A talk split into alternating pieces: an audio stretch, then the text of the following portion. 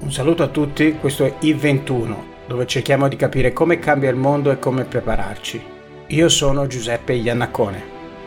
Il quarto episodio di I21 è una conversazione con Romano Prodi sulle sfide globali, l'Europa e l'Italia. Romano Prodi è stato due volte presidente del Consiglio dei Ministri, è stato presidente della Commissione europea e ha ricoperto diversi incarichi speciali per conto delle Nazioni Unite in situazioni di crisi. Per i ruoli che ha ricoperto, i suoi interessi intellettuali e gli interventi pubblici sui temi globali è davvero la persona ideale con cui conversare per capire come sta cambiando il mondo e quali saranno le grandi sfide per l'Europa e l'Italia. La conversazione è stata registrata il 19 febbraio 2021 Ricordo che tutte le conversazioni di I21 sono disponibili anche su YouTube cercando semplicemente I21. Cominciamo! Io ho riletto da poco questo piccolo volume, Piano inclinato, che è un libro intervista di eh, Romano Prodi di ormai qualche anno fa, del 2017, e ci sono questioni là che non erano nuovissime all'epoca e sono ancora qua con noi perché sono eh, effettivamente ancora questioni risolte, sono relative a quelle eh, sfide di cui dicevamo prima. C'è un passaggio che mi ha colpito molto e, e secondo me richiede attenzione anche dal, dal, punto di vista di chi si occupa di tecnologie e di ricerca scientifica in generale. a un certo punto lei dice che da perverso intreccio di tecnologia, globalizzazione e finanza che nasce l'insicurezza della nostra società. E, e questa diventa praticamente la, la causa e la, la, sfida principale che dobbiamo eh, affrontare. E, ed è ancora con noi, non è risolto niente ancora e non, non si ne vede ecco, una soluzione a breve. No, no, la, la situazione è peggiorata Voglio dire, no, davvero dal 2017 ad oggi il ruolo di imprese che sono al di fuori, che sono oltre, sopra la politica, è aumentato nel mondo. Eh, sono soprattutto le imprese che operano nella connettività, come io chiamo, eh, con linguaggi impropri, perché non sono uno scienziato come voi, ma hanno acquistato un potere crescente, si sono fortemente intrecciati con la finanza ed è molto interessante perché io comincio ad analizzare come sempre di più il potere economico riesce anche a prevalere su quello politico, voglio dire, teniamoci, Cina e Stati Uniti sono ancora stati robusti, forti, eccetera, eccetera. Ma se noi vediamo molte delle politiche economiche mondiali sono oh, gli Stati Uniti che seguono Google, Apple, Amazon e non viceversa, che anche si mette magari in tensione con l'Europa per difendere gli interessi di queste imprese. Voi direte che è sempre stato così, no? Ma adesso la dimensione è estremamente più forte e per assurdo questa epidemia, no? la pandemia, ha aumentato questo perché eh, se voi pensate, prendiamo una di queste Amazon, no? da sola, eh, nei, adesso non ho gli aggiornamenti degli ultimissimi mesi, ma nei primi cinque mesi della pandemia aveva aumentato il suo valore in borsa di 400 miliardi di dollari. Allora, se voi pensate che tutta la grande politica europea che è veramente grande, è 700 miliardi di dollari. E voi vedete che una sola impresa. Di aumento del suo valore borsistico è di 400, voi capite la grandissima forza che queste imprese hanno. Poi sono anche eh, state capaci di redistribuire il potere nazionale, di restituire, cioè Prendiamo le prime nove imprese di connettività, chiamiamole così, le prime 20 imprese, scusatemi, ne abbiamo 19 cinesi e americane, americane e cinesi, e una europea, diciannovesima. Allora, voi capite che la polarizzazione degli imperi è stata fortemente aiutata da queste imprese che pure trascinano sotto molti aspetti gli imperi. No? C'è una specie di grande, di grande di partecipazione alla politica internazionale in modo uh, trainante e in modo subordinato da queste imprese. Allora voi capite perché il governo americano si sia scagliato contro la Huawei, che non è solo una operazione economica, ma anche politica, perché tocca quegli aspetti, prima di tutto la dimensione, il mercato, lo scalzare le imprese produttrici di componenti, di antenne, eccetera, eccetera, anche di telefonini, ma soprattutto il eh, grande potere della tecnologia che aiuta lo Stato. Quindi la disparità che notavo quando ho scritto il piano inclinato non è calata ma è diminuita e noi europei relativamente abbiamo ancora perso terreno rispetto a questa gara, pur ancora per poco, eh. ma numero uno nella produzione industriale del mondo e numero uno nell'export. Ecco perché rispondo alla sua domanda con triste chiarezza, cioè non ho dubbio che il piano sia più inclinato ancora. Ecco, io in realtà eh, no, sono son, son d'accordo, avevo preparato una, proprio una cosa che è, è, legata al discorso che faceva, le prime 26 aziende per capitalizzazione nel, nel mondo, nel settore di, di, internet, come dice della con- connettività. E effettivamente è vero, nelle prime 26 solo una è europea, e adesso è Spotify, ed effettivamente il, del resto c'è forse una, una predominanza degli Stati Uniti, molte della Cina ormai, Ecco, secondo lei perché? Cos'è successo eh, in, in, Europa? Perché siamo rimasti fuori? Perché negli anni 90 probabilmente nel, nel settore diciamo, della connettività avevamo dei campioni in Europa. Poi questa classifica è effettivamente triste, no? Perché da, questo è il settore che ha generato più sicuramente eh, ricchezza in termini di capitalizzazione di borsa negli ultimi vent'anni, però l'Europa è rimasta fuori, è sempre molto forte nella produzione industriale, le auto in particolare, no? in ambito, quindi ne, ne, nelle aziende cosiddette ne, nella connettività, nel settore di internet, effettivamente come diceva l'Europa è, è rimasta fuori, una tra le prime 26 effettivamente è poco. Nella meccanica, nella produzione meccanica siamo ancora forti, nelle automobili siamo forti, e Germania in particolare, c'è il fenomeno Airbus che menzioniamo spesso come esempio virtuoso no? di, di, collaborazione industriale europea, però è oggettivamente poco. Perché? C- cosa è successo secondo lei eh, eh, che, che, ci ha dire, fatto perdere questo treno?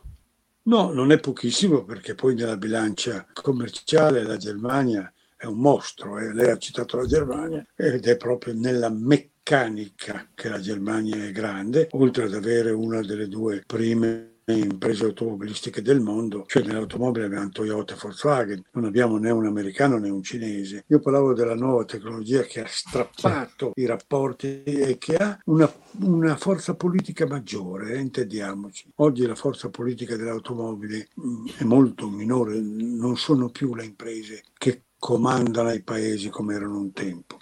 Hanno influenza, hanno forza, ma sono tenute al loro posto.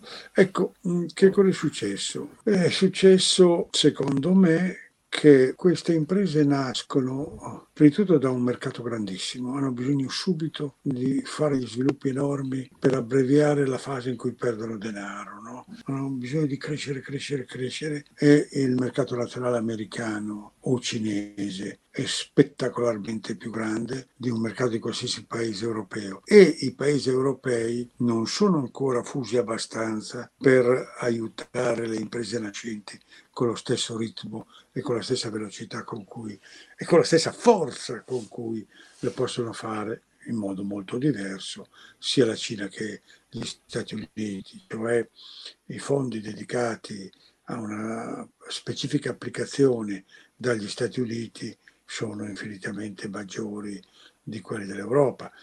Uh, guardi che sto riflettendo in questi giorni ovviamente sull'industria dei vaccini non, non dal punto di vista scientifico che non so proprio niente, niente, niente, ma dal punto di vista del successo delle imprese è interessantissimo, eh, perché le imprese fallite e le imprese europee hanno faticato, pur essendo un settore in cui erano tradizionalmente forti, perché quando c'è stata la fretta, la necessità di, di, di correre per questo, allora eh, la forza del sistema e economico e finanziario americano le ha fatte correre in, in, più in fretta.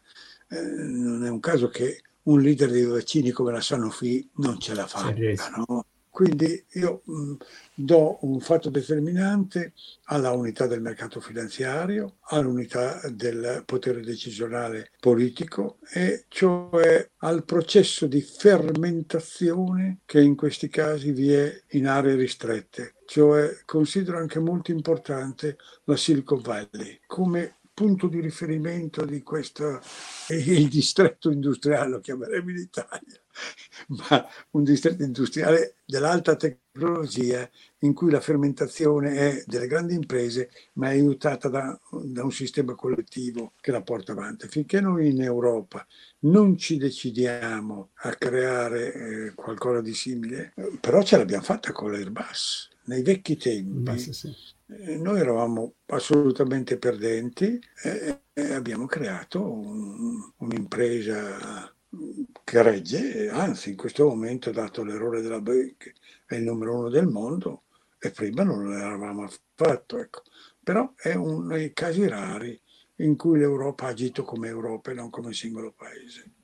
Eh sì, probabilmente c'è il problema che eh, richiede un livello di coordinamento eh, dire, quasi miracoloso, riuscire a fare una cosa come l'Airbus, per cui si riesce a fare eh, magari una volta, ecco, ma non ci si riesce eh, ripetutamente. Quindi lei dice non è soltanto il mercato unico, ma è proprio il, il, la finanza, diciamo, il mercato finanziario di livello adeguato e continentale. È la politica. quello che manca. Mm. E lui vedrà, io stavo riflettendo sulla Brexit, no? che sotto questo aspetto è un bel danno, perché eh, gli inglesi proprio, anche come tattica seguente la Brexit, si stanno isolando, no? e questo è un danno per tutti noi. Sotto altri aspetti la Brexit ha aiutato perché mai ci sarebbe stata una politica di solidarietà europea con la Gran Bretagna dentro, eh. Dello, scordatemelo. Eh, nella mia esperienza, non, quando ogni volta in cui si voleva fare qualcosa di più di un semplice libero mercato, io avevo sempre i problemi della Gran Bretagna, sempre però è un grande paese con una struttura finanziaria capace di radunare denaro e buttarla in un colpo solo e poi una bella cultura scientifica, ecco, quindi su questo lo perdiamo. Certo, è più omogenea ma più debole complessivamente, cioè più, dei dici, più omogenea era fatale perché, ripeto, eh, non c'era niente da fare, insomma, no? Infatti quando mh, mm, io sono stato presidente della commissione a 15 e a 25 paesi, no? E molti mi hanno rimproverato, ma l'allargamento ha reso meno omogeneo. Io avevo gli stessi problemi a 15 e a 25, era sempre la Gran Bretagna che mi presentava l'alternativa reale, quella vera, capisci? La politica diversa era sempre britannica. Poi è chiaro che è un grande paese, quindi è una bella perdita. Insomma. Ecco, e, però questa importanza delle imprese, delle imprese tecnologiche stavolta in questa rivoluzione industriale ha un effetto dirompente sul lavoro come beh, scrive anche lei, c'è un trasferimento no? Del, della ricchezza da chi può risparmiare di più, a, a, cioè da, da, chi lavora a chi ha più capacità di risparmio. È, è, un problema in modo particolare più per l'Europa che per altri paesi. Il sistema americano su cui operiamo forse ci sabota, non lo so.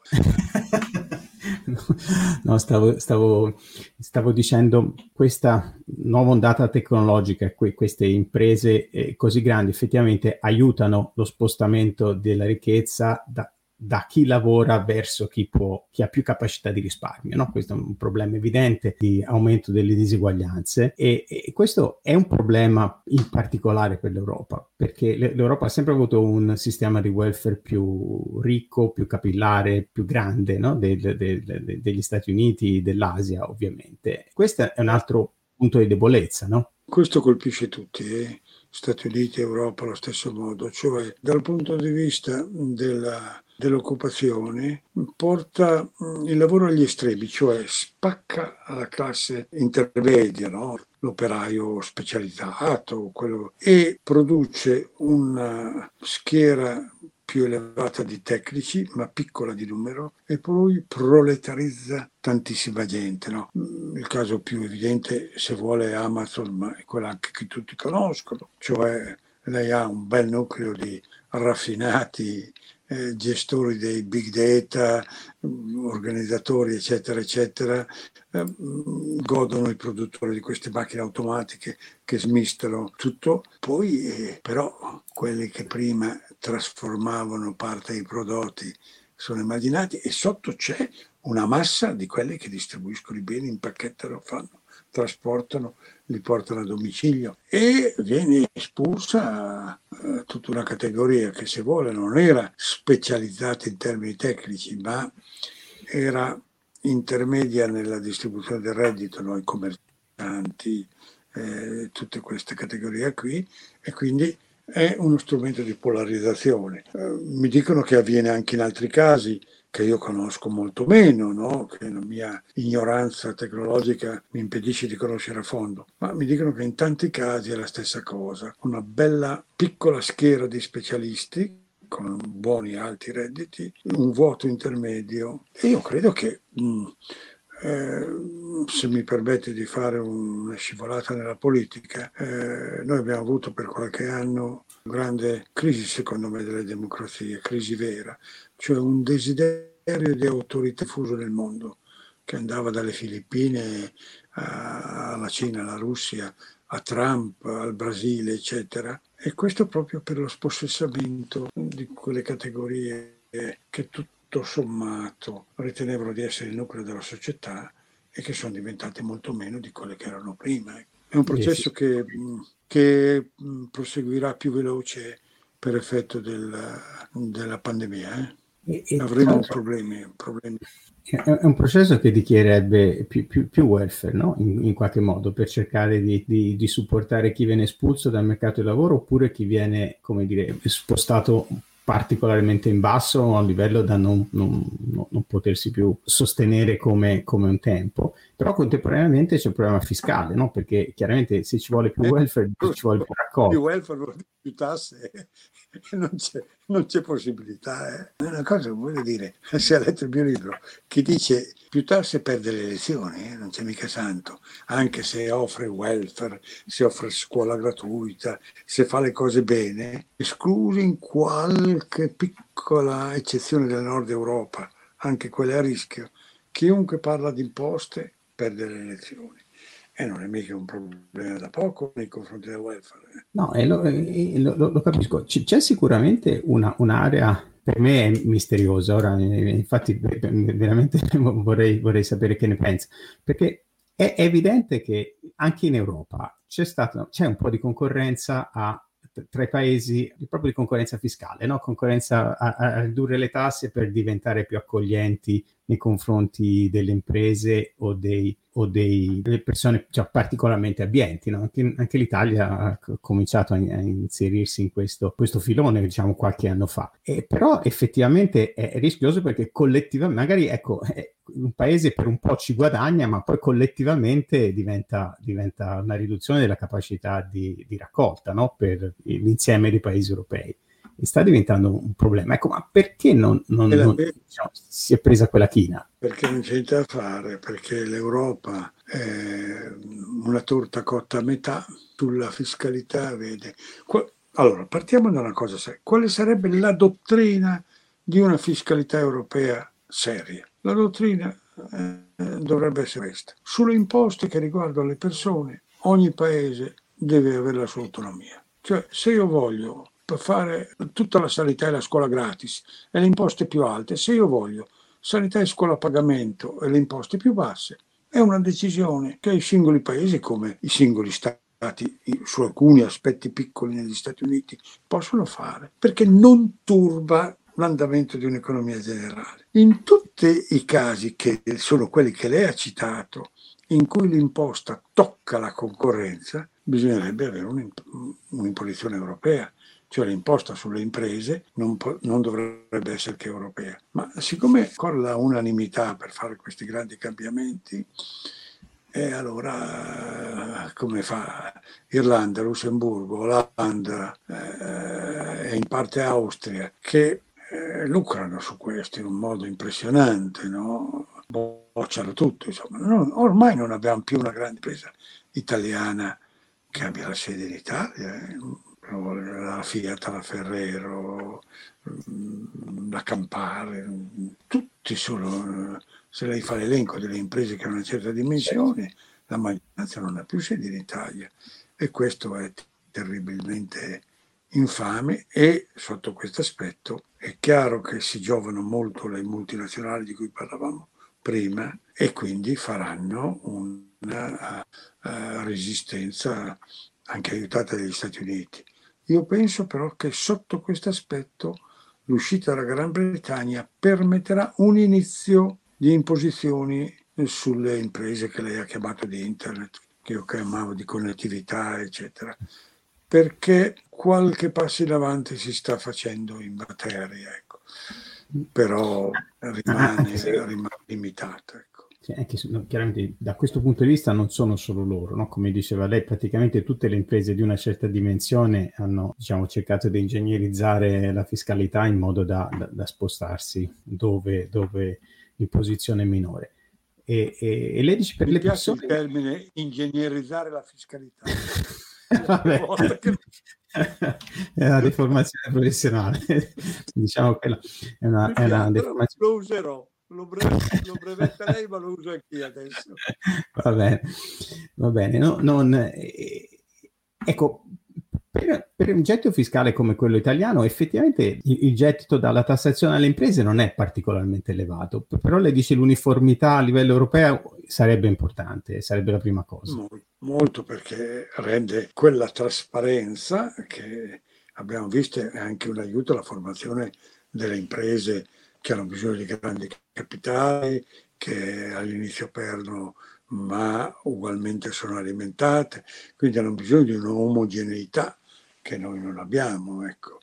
Ma infatti poi eh, molte delle imprese che sono andate all'estero quando io andavo a obiettare, anche come ho fatto su riguardo all'FCA, le viene sempre la risposta ma non è un problema fiscale, ma è perché là viene ammesso il voto plurimo, abbiamo una diversità giuridica, è la stessa cosa, cioè la diversità frammenti i mercati e impedisce di entrare nella modernità e di entrare nella grande concorrenza fra Cina e Stati Uniti. Senta, professore, arriviamo all'Italia, perché in, in, cioè, l'Italia rischia, se, se, l'Europa non sta benissimo, l'Italia rischia di stare, dire, peggio rispetto rispetto, rispetto all'Europa. Noi abbiamo questo problema, io devo dire drammatico a, a, questo punto, legato al fatto che la produttività non cresce da anni. Io, guardi, ho, ho recuperato questo grafico da dati OECD, crescita della produttività del lavoro, no? in termini di GDP per, per ora lavorata, dal 2000 al 2018, e di fatto l'Italia è ferma, a zero, non è cambiato niente. I paesi grandi dell'Europa di fatto in quei 18 anni hanno fatto un 20% all'incirca, anche il Giappone è riuscito a fare un 20%, l'Italia è assolutamente ferma. E 18 anni senza incremento di produttività sono tanti, vogliono dire, di fatto una perdita di ricchezza del paese notevole. E, e, e lì che facciamo? Perché è difficile competere senza, senza recuperare in termini di produttività. Eh beh, quello è il nostro problema. Allora, le ragioni, eh, le ragioni sono interessanti quando va a pezzettare, no? Allora lei trova che, vabbè, a parte grandi imprese che sono quelle più produttive, non ne abbiamo più, quindi il problema non si pone. Ma la differenza di produttività fra le medie imprese e le piccole imprese è enorme e le piccole rimangono piccole. Noi abbiamo una struttura di imprese minori che è molto più importante erano in altri paesi. Infatti io spingo da anni per qualcosa, per tutti i incentivi alle fusioni, per avere del, eh, gli strumenti che impediscono alle imprese familiari di spezzettare, impediscono, rendono più difficile di spezzettare il capitale, la proprietà e cerchino invece di concentrare, perché quando lei va a fare l'analisi delle spese in ricerca e della dimensione aziendale, trova che c'è una relazione assolutamente diretta. Più grande l'impresa, più si spende in ricerca e quindi questo è, uno, è un problema strutturale. L'altro è un problema di preparazione scolastica e lì le cito le solite statistiche che tutti sappiamo a memoria del numero di laureati, delle scuole tecniche specializzate, del piccolo numero di ingegneri. E allora lei mette insieme tutto questo e ha una situazione drammatica. Ecco. Ed è la cosa, vede. Poi eh, naturalmente c'è anche una specie di isolamento del paese, dato anche qui, lo dicono tutti, lo ripeto, dato dalla burocrazia, dalle difficoltà di investimenti in Italia. E mh, la produttività eh, aumenta quando nel circuito, quando si parte di un sistema. No? Se noi ci isoliamo come si è isolata l'Italia, la produttività non cresce. Ho parlato anche con tanti di impresa, dico ma insomma, Adesso voi avete impianti identici in Italia, in Germania, in Francia, e trattandosi di imprese maggiori, dico, ho visto che avete produttività simile, perché non investite in Italia in modo da elevare la produttività media del sistema? E il nuovo lo fate invece in Francia, in Germania e lì entra il problema del sistema paese che va fuori, fuori dal sistema industriale, non c'è niente da fare lì. Eh. Perché la cosa che mi fa, ecco qui uso la parola rabbia, che mi fa rabbia è che abbiamo dei salari bassi, bassi ma non solo salario, ma costo del lavoro totale. Un tempo si diceva, ah ma sì, abbiamo il salario un po' inferiore, ma poi sì. le pensioni. Adesso lei mette tutto assieme, tutto, e abbiamo un 40% inferiore alla Germania, insomma, non un 3%.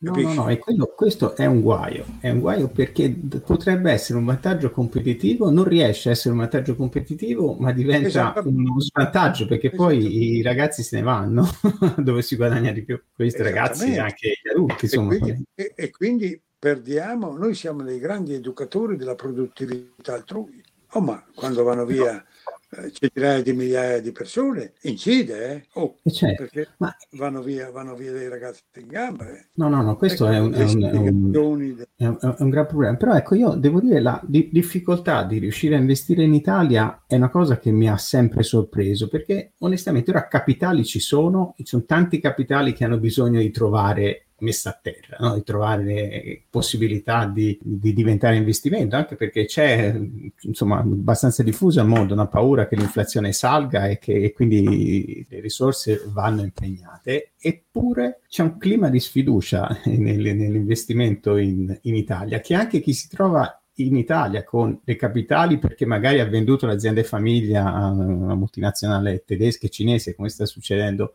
anche dalle nostre parti sistematicamente, poi è mo- molto improbabile che reinvesta in Italia quelle risorse. Quasi escluso, fa un fondo di investimento. E questo è, però è, per, per, il nostro paese è oggettivamente una cosa drammatica e devo dire non riesco a spiegarmelo perché io vedo l'Europa Guarda, messa tutta maluccio, no? quindi non è che... Dottore, le do un solo dato che mi fa impressione.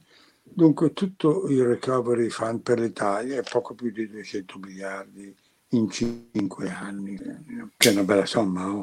sì. proprio una bella somma. Pensi però che dal, oggi è il 19 febbraio, no? dal 15 febbraio dell'anno scorso, che è cominciata la pandemia, al 15 febbraio di quest'anno, i depositi bancari sono aumentati di 186 miliardi in Italia e sono in tutto 1700 miliardi di euro. Ma la cosa che mi impressiona sono i 186 miliardi e sono lì, sono soldi che dormono per la paura, giustamente per la paura, perché se una famiglia eh, ha un indomani incerto, vede che le cose vanno male, che la produttività bassa, non spende e in più poi sono bassi anche gli investimenti pubblici per le ben note ragioni.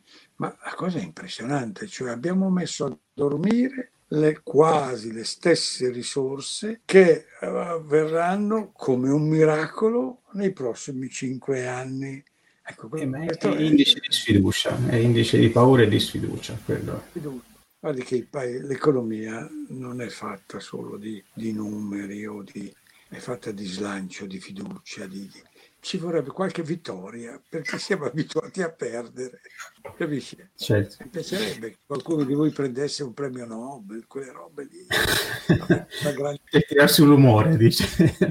No, no, no non sto scherzando. Eh. La psicologia collettiva eh, è importante, è proprio importante. Perché, ripeto, si spieghi lei altrimenti come quei due dati in tutto che le ho dato non hanno senso. Prima, un attimo fa, ha citato il, il PNRR, no? il Piano Nazionale di Ripresa e Resilienza, e io devo, devo dire che c'è un punto che mi ha colpito molto. Io l'ho letto la versione del 12 eh, gennaio e devo dire ho guardato anche piani analoghi di mh, Francia e Germania soprattutto per la parte industria 4.0 per un uh, progetto di, di, ricerca che stiamo facendo con la regione toscana. C'è una cosa che effettivamente mi ha colpito molto. Se le prende la versione del 12 gennaio, tutta la, l'impostazione del piano di aiuto alle imprese per eh, migliorare la eh, competitività del sistema è dedicata a supportare la domanda, cioè a far spendere le imprese in tecnologia per come dire, migliorare i processi, migliorare la qualità, eccetera. Però è una spesa e chi venderà questa tecnologia non sono imprese nazionali. La, la, la parte del piano che invece è, è dedicata a aiutare chi può essere fornitore di tecnologia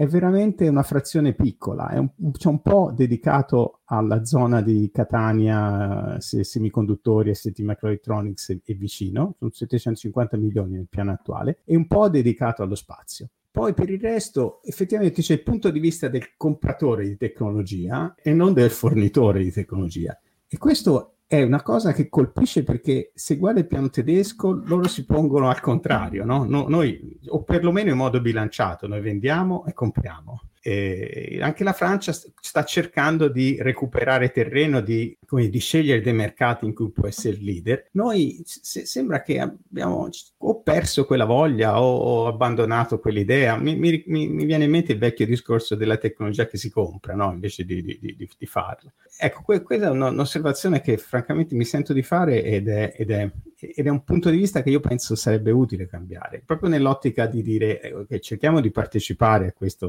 rivoluzione tecnologica, ma da fornitori. Quello che lei mi dice non mi sorprende, non ci avevo mai fatto il caso specifico perché io ho guardato i piani degli altri paesi dal punto di vista dei loro tempi, dell'autorità che le mette in atto, eccetera, e non della tecnologia contenuta, perché il mio limite ovviamente è questo? Ognuno il suo mestiere, ma quello che lei mi dice è, è drammatico e non mi sorprende perché vedo eh, l'aspetto delle difficoltà che hanno le start-up e tutte le, imprese anche nuove che vogliono applicare tecnologie innovative. No? C'è un sistema che non le apprezza, non, non ne tiene conto, per cui abbiamo una buona fertilità di idee nuove che si vanno a sviluppare fuori. Questa è la conseguenza di quanto dicevamo prima e anche di quello che lei mi ha insegnato adesso, cioè che il finanziamento all'innovazione specifica e non all'introduzione di innovazioni altrui è più forte negli altri paesi europei che in Italia. Mi andrò a vedere anche questo aspetto, ecco che finora le confesso, è inutile che dica di sapere delle cose che non so, ecco non mi stupisce quello che lei mi dice, però voglio anche andare a vederci dentro adesso. Grazie. No, mi fa piacere. E, e, senta, prima ha accennato al, al, al, problema della formazione. No? Questo è un, un problema di nuovo, no, no, niente di nuovo. I numeri, devo dire, negli ultimi 30 anni sono cambiati perché le percentuali di, di laureati nella popolazione italiana rispetto a 30 anni fa sono effettivamente cresciute molto. Però se uno va a fare... La distanza è aumentata però. Eh, eh sì, certo, perché anche gli altri non sono stati fermi. C'è, c'è un grafico che, che, a me colpisce molto, guardi, lo, lo faccio vedere che sono convinto che lo, lo conosce, è la, la, distribuzione della formazione universitaria nei maggiori paesi europei e la cosa che colpisce molto è se vediamo laureati magistrali, no? eh, quindi quinquennali in generale, in Italia e negli altri paesi europei, diciamo, confrontabili con noi, sono su percentuali simili, ma quando andiamo a formazione triennale o biennale, chiaramente noi siamo molto molto indietro. E, e, e ci sono due problemi qua. Uno è quello che diceva lei, noi qua per, per, questi laureati magistrali abbiamo a livello nazionale stipendi più bassi, quindi questi, una, buona, una parte di questi, eh, quelli più capaci di, di, di, di poter eh, diciamo, essere esportati, se vogliamo dirlo in modo positivo, magari ecco, prende la via di, paesi dove il, lo stipendio è più elevato e poi effettivamente comunque su, sugli altri livelli di formazione siamo notevolmente indietro. Può essere questa parte del, del, del problema. Ah, lei, quella statistica, quelle statistica a barre che lei mi presenta ha un significato grandioso, perché appunto nella laurea magistrale non siamo messi malissimo, ma è il resto, e lì non è mica solo colpa del governo. Io le dico una mia esperienza personale, no? Quando ci fu il mio primo governo nel 96-98, proprio lavorammo per la laurea triennale, che era simile a quelle che lei vede di colore giallo o celeste lì. Bene, la laurea triennale è stata avviata da, da, una categoria che noi conosciamo bene, che si chiamano i professori universitari, che saremo poi noi, no? che l'hanno, che sono riusciti con i ministri dopo, a semplicemente nel triennio prima della laurea magistrale, cioè l'hanno annullata. La mia idea era che questa dovesse essere molto più applicata, triennale, potesse avere la passerella, ma che questo fosse un caso straordinario. Poi noi professori universitari, non ho colpa tutta la categoria, abbiamo usato questa per mettere a posto qualcuno e rientrare nel vecchio sistema. E il risultato è la statistica che lei mi ha fatto vedere. Quindi c'è stata una debolezza del governo, dei governi, che hanno poi accettato questo, ma ben accetta dal mondo universitario. Ognuno il suo mea culpa, eh. ma su queste dobbiamo... Io ho poi la fissazione di, del ramo tedesco, della Fachhochschule, che ha appunto una sua autonomia, una sua forza, una sua dignità nel paese e che ha al di fuori il Fraunhofer, cioè l'organizzazione che ha una sua grande dignità nel paese, che l'aiuta nella ricerca scientifica. Cioè, attenzione che il sistema va un sistema integrato che ha degli obiettivi precisi, ecco. mentre noi abbiamo messo scuola tecnica come il refugium peccatorum e allora ha la statistica che ha visto prima, cioè si è inaridito tutto quello che non è laurea magistrale. Sì, cioè, Ma secondo me questo non è mica facile da cambiare. Eh. Come paese noi perdiamo una quota dei laureati magistrali che vanno verso lidi diversi e abbiamo un deficit di tecnici intermedi, diciamo, perché effettivamente diciamo, il dipl- diploma è, è, per il mondo di oggi diventa insufficiente, no? è effettivamente una preparazione che non, non riesce a, ad essere... Tutto l'apparato di ricerca con cui voi siete in contatto e che ci fa anche delle bellissime cose, non ha, voglio dire, non c'è il Max Planck che fa la ricerca pura e il Fraunhofer che fa la ricerca applicata e lavora con le imprese. Il CNR deve tenere questo sistema ibrido, alla fine poi non ce la fa, inserisce delle sue gerarchie interne, per cui chi fa la, la scienza applicata è fuori dal giro, insomma, no? Certo, nello stesso sistema non, non riescono a convivere bene, questo è chiaro. Dobbiamo ripensare proprio anche a queste cose che sono fatti della vita. Uno se ha pecore e capre, no? diventa un po' un problema gestirla e, e non va bene per nessuno. Ecco. Come economista industriale io poi ho sempre seguito più la Germania che gli altri paesi, quindi ammetto di essere un po' deviato. Ecco però vedo questo, questa mancanza. Insomma. E come è fatto adesso il sistema, sicuramente il sistema della ricerca italiana non ha un percorso premiante per la ricerca applicata, appunto è tutto ibrido e nell'ibrido poi c'è un percorso che chiaramente è preferibile rispetto all'altro. E, senta, c'è una cosa su cui lei è tornato spesso, e per, però vi viene bene a proposito del, del discorso sui salari, è la eh, riduzione del cuneo contributivo, no? che è una cosa che, di, di, cui ha parlato spesso e che, che diciamo, su cui ha lavorato diciamo, eh, al governo e che anche nel libro cita di nuovo come uh, meccanismo per come dire, eh, riuscire ad aumentare il salario senza aumentare il costo del lavoro in qualche modo. E, e anche quello però richiede risorse, siamo, siamo al, al solito discorso. Come si può fare? Di nuovo, cioè, mi, mi, sembra che quasi tutto quello che si vuole fare richiede risorse che è difficile però oh, reperire in questa fase. Ma io ho lottato per la riduzione del cuneo fiscale. Oggi abbiamo salari, costo del lavoro che non è elevato. Certamente se noi abbassiamo il cuneo fiscale possiamo dare soldi supplementari ai lavoratori e questo è normale, ma non è quello che risolve il problema che lei mi ha posto, perché il costo del lavoro adesso non siamo più il paese ad elevato costo. Il cuneo fiscale per aumentare un po' quello che va in tasca al lavoratore può essere utile, ma sull'efficienza del sistema non è più quella no, cosa dava, che dava la, il calante al sistema economico. Ecco. Lo, lo, lo, vedevo più dal punto di vista di ridurre la cosiddetta fuga di soldi. Dal punto di vista le imposte sul lavoro eh, hanno un effetto più negativo che non le imposte sui redditi o le imposte eh, sul patrimonio, le imposte di questo tipo, evidentemente. Ecco, quindi certamente eh, se lei toglie un po' di cuneo fiscale dà evidentemente all'impresa più carburante, insomma, voglio dire, tolti 10 miliardi di cuneo fiscale e messi 10 miliardi di imposte in altri settori, un po' ci guadagna come ripresa. Ecco però... No, non, non lo vedi come problema principale. No, um, aiuta, ma mentre un tempo era drammatico, adesso lo vedo più ridimensionato. Ecco. D'accordo. Senta, sei d'accordo? Io prenderei qua un paio di domande che vedo da, da chi sta ascoltando. Ascoltatori, vediamo di, di se come... sono capace di rispondere. Sì, sì, sì, sì, sì.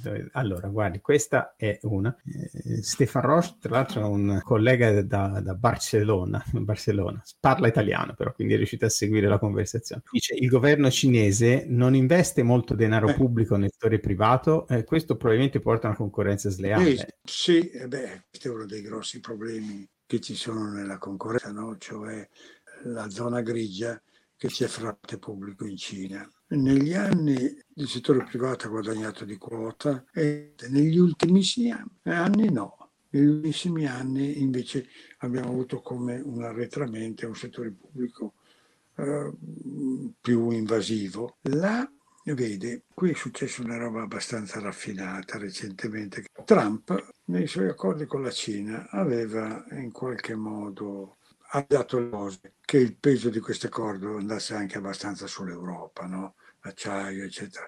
Erano cose piuttosto raffinate.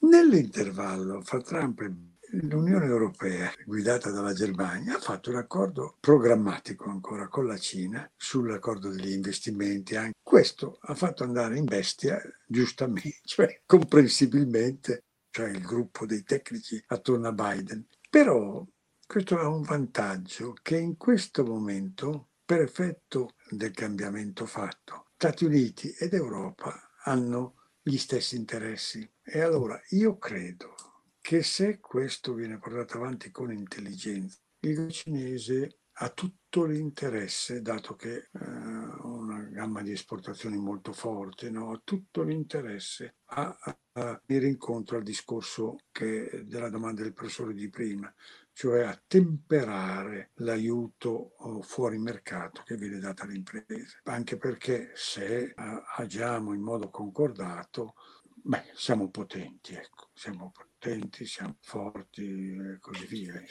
Secondo lei c'è, c'è, concordia in Europa nel sostenere una posizione più vicina agli Stati Uniti che alla Cina in questo caso? Perché a volte si vedono oscillazioni anche da punto di vista. Noi siamo legati agli Stati Uniti politicamente, militarmente, anche economicamente. Nel 2020 il commercio europeo con la Cina è stato superiore al commercio europeo con gli Stati Uniti. È una cosa impressionante. Io non avrei, dieci anni fa non avrei assolutamente pensato a questo. È stato un anno speciale, finché vuole, ma il che vuol dire che siamo pressa poco con la stessa importanza. Allora è chiaro che l'Europa deve avere con la Cina uguali regole, una disciplina comune e quindi tutto quello che il domanda mi ha chiesto deve essere fatto. Però non è che possiamo chiudere delle porte ermeticamente nei confronti della Cina, eccetera, perché abbiamo anche dei legami estremamente, estremamente forti. In questi giorni ci sono delle cose, delle cose incredibili, no? piena crisi economica, piena pandemia, c'è una legge per, che incentiva le ristrutturazioni, cose semplici, una legge che incentiva le, le, le ristrutturazioni dell'edilizia con un bel incentivo e sta avendo un boom delle riparazioni. Oh, questo viene bloccato, cioè viene fermato dal fatto che non arrivano i semilavorati da, dall'esterno, dalla Cina, da altri paesi europei. Ecco allora cosa voglio dire? Che dobbiamo arrivare a un diverso la pandemia, cioè ci deve insegnare quello che io chiamo l'effetto mascherina, cioè una roba semplicissima da produrre che è diventata importante, non la producevamo semplicemente perché noi non la portavamo cinesi che usano ancora la mascherina per, anche per la pollution che hanno, hanno esportato quantità impressionanti di, di beni. Ecco, allora eh, la futura concorrenza deve evitare l'effetto mascherino, cioè in ogni catena del valore, no? che siano le macchine, che siano eh, l'automobile, che siano ognuna delle tre aree economiche avrà una sua piccola autosufficienza e quindi la concorrenza sarà ancora globale ma un po' meno globale Cioè, la globalizzazione non si cancella perché lei deve pensare che il 40% delle esportazioni cinesi eh, proviene da multinazionali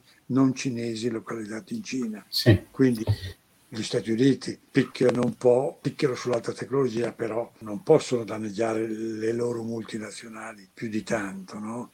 che non arrivano per le finestre, tanto per essere chiaro. Allora arriveremo a questo compromesso, un po' meno, cioè una globalizzazione un po' più limitata continente per continente. No, questo è una cosa simile è successa nel settore automobilistico proprio in questi mesi, con, con il fatto che sono mancati i circuiti integrati da, da, da, dalla Cina, Taiwan, Corea del Sud. Effettivamente cioè, è, è, tremendo perché lì, quelli sono prodotti a costo relativamente basso, però se non arrivano si fermano produzioni con dei danni enormi e adesso è quello che stiamo vivendo adesso. E io le ho fatto un esempio ancora più volgare, ancora più semplice. I vetri, certo. gli infissi, certe maniglie certo. degli infissi, per dire, quindi attenzione, globalizzazione sì, perché eh, se no ci impoveriamo tutti, ma con Juicio Senta, eh, vado veloce per un altro paio di domande. Dunque, ehm, Tonella Magliocchi, che è una collega qua dell'Università di Pisa, dice che la laurea triennale è stata denigrata dal nostro sistema universitario e bistrattata anche dalle nostre aziende, che sembrano volere soltanto laureati magistrali. Questo per sottolineare il fatto che non è solo un problema nel nostro diciamo, dell'università, ma anche effettivamente le imprese non hanno, non hanno colto la, novità no. quando è stata una novità. Eh, le nostre imprese non hanno di fronte un'offerta di lauree magistrali riconoscibili forte, a parte quelle da infermiere o della sanità sì. o di pochi settori. Non è che eh, le nostre imprese si dica, oh guardate che a Milano, a Pisa, a Bologna c'è un nucleo di lauree triennali forte, tranquillo, riconoscibile. Non c'è un'offerta di questo genere. Infatti, eh, sì, Quindi è vero che le imprese non lo richiedono, ma non sanno, non ce l'hanno di fronte l'offerta. Ecco. E penso che la cosa vada risolta nazionale. Dico, dico poi, perché l'aneddotica serve sempre no? come paese. Pur essendo stato Presidente del Consiglio e Presidente della Commissione Europea, non sono mai riuscito a far fare un serial televisivo su dei ragazzi che fanno le cose, no? che crescono la tecnica. E io dicevo, ma insomma, l'avete fatto per i carabinieri, per i preti, per i poliziotti, per ma fate qualcuno che esca dalle scuole tecniche e che crei lavoro con i suoi amici. Beh, in cinque anni non sono riuscito, va bene, perché non faceva audience, perché non faceva audience. Eh. Questa è la cosa vera. Eh, soft power, no? Quella, cercare di convincere con... Oh, ma è mica poco, eh voglio dire, ritorno alla Germania, ma quando in un paese, in un piccolo comune tedesco, fanno una grande gara con la medaglia per il miglior fornaio o per il miglior birraio, ma, ma, ma lei dice poco. Ma queste sono le cose che danno identità. Dunque, eh, arrivo, penso, prendiamo questa come ultima perché siamo un po' lunghi. Cosa pensa il professor Prodi del tessuto produttivo frammentato in gran parte a carattere familiare italiano? È accennato prima la cosa, non, magari forse possiamo espandere un po'. Il ah. capitalismo familiare italiano è, è, è un punto debole, no? E la grandezza è la dannazione del capitalismo italiano. La grandezza perché nell'ambito familiare si sono create le prime così le prime collettività produttive che si sono espanse. E poi anche la dannazione perché guardi io ho un'esperienza ormai quasi secolare ma insomma ogni generazione qui c'è il cugino che litiga, i fratelli che si dividono, il figlio che vuole fare il pittore e, ed è così ci vogliono delle strutture che premiano la continuità delle imprese e che aiutino la continuità dell'organizzazione, cioè in poche parole la Bosch è una fondazione, è, è un'impresa familiare che ha fatto poi la sua fondazione, cui il compito è molto semplice, no? cioè la famiglia possiede le imprese, ha i profitti, prende anche alcune grandi decisioni, eccetera. Ma è il management che le porta avanti l'impresa. Se noi non mettiamo assieme queste due cose, la famiglia che ha avuto questa grandezza nel dare origine all'impresiana, la famiglia non ce la fa più, insomma, ripeto, perché poi il figlio può essere anche, voglio dire, quando da ragazzo facevo conferenze, eh, mi ricordo la conferenza dei giovani industriali, dice ma eh, cosa ci raccomanda per eh, il futuro dell'impresa familiare? Eh, l'unica mia risposta è sposatevi delle donne intelligenti, perché eh, non c'era mica nessun'altra, nessun'altra risposta, data la, la, la incomprensione, dato la chiusura di una cultura familiare che c'era. Quindi grandezza e dannazione insieme della nostra struttura produttiva. E noi dobbiamo aiutare la uh, managerializzazione, la creazione di fondazioni parallele che diano la continuità all'impresa, alla proprietà familiare, ma che la contemplano con la necessità di una gestione efficiente e così via. Ecco. Quindi eh, fiscalità fatta per favorire il riaccorpamento, con lo stesso discorso che le ho fatto sulle piccole imprese in genere. Questa cosa delle fondazioni per, per, dare continuità alle imprese è una cosa di cui si parla poco. Viene, ogni, ogni, tanto viene, viene, viene proposta, ma non, non, è al centro del dibattito, però effettivamente potrebbe essere una cosa, perché altrimenti finisce che viene venduta semplicemente l'impresa e sparisce dopo eh, po'. Quello che dico, per favore. È quello che sta succedendo un po' ovunque. Guardi, okay. c'è un, secondo me una riflessione da fare. Un'impresa è una proprietà privata, ma è un bene pubblico, nel senso, dai, private, la famiglia, eccetera però deve essere gestita a vantaggio di tutta la società. In questo senso è un bene pubblico, no? Va bene, io credo che, che, ci possiamo fermare qua. Io le, le, le confesso mi sono divertito, penso che insomma, è stato molto, molto interessante la conversazione. Professore, non è che abbia detto delle gran cose, un po' di esperienza, ecco, tutto qua. Beh, però è importante riflettere, voglio dire, in modo eh, piacevole su, su, questi temi che sono importanti e che devono in qualche modo orientare anche le, le, le scelte che, che, facciamo nel lavoro, come persone private, con la famiglia, come lettori. Sono cose importanti, secondo me particolarmente importante cercare di vedere le, le cose, cioè, a volte anche staccandosi dalla, dalla quotidianità, da, da, dai problemi che ha so, il governo, la, la, la, politica nell'arco dei, dei giorni, delle settimane, dei mesi e cercare di concentrarci anche su queste questioni di, di, di lungo raggio che, che sono fondamentali. C'è poco da fare, da cui poi dipende il destino eh, di tutti noi. Io lo ringrazio veramente tanto della, della disponibilità. E... Sono io che ringrazio voi per la pazienza. grazie, grazie ancora.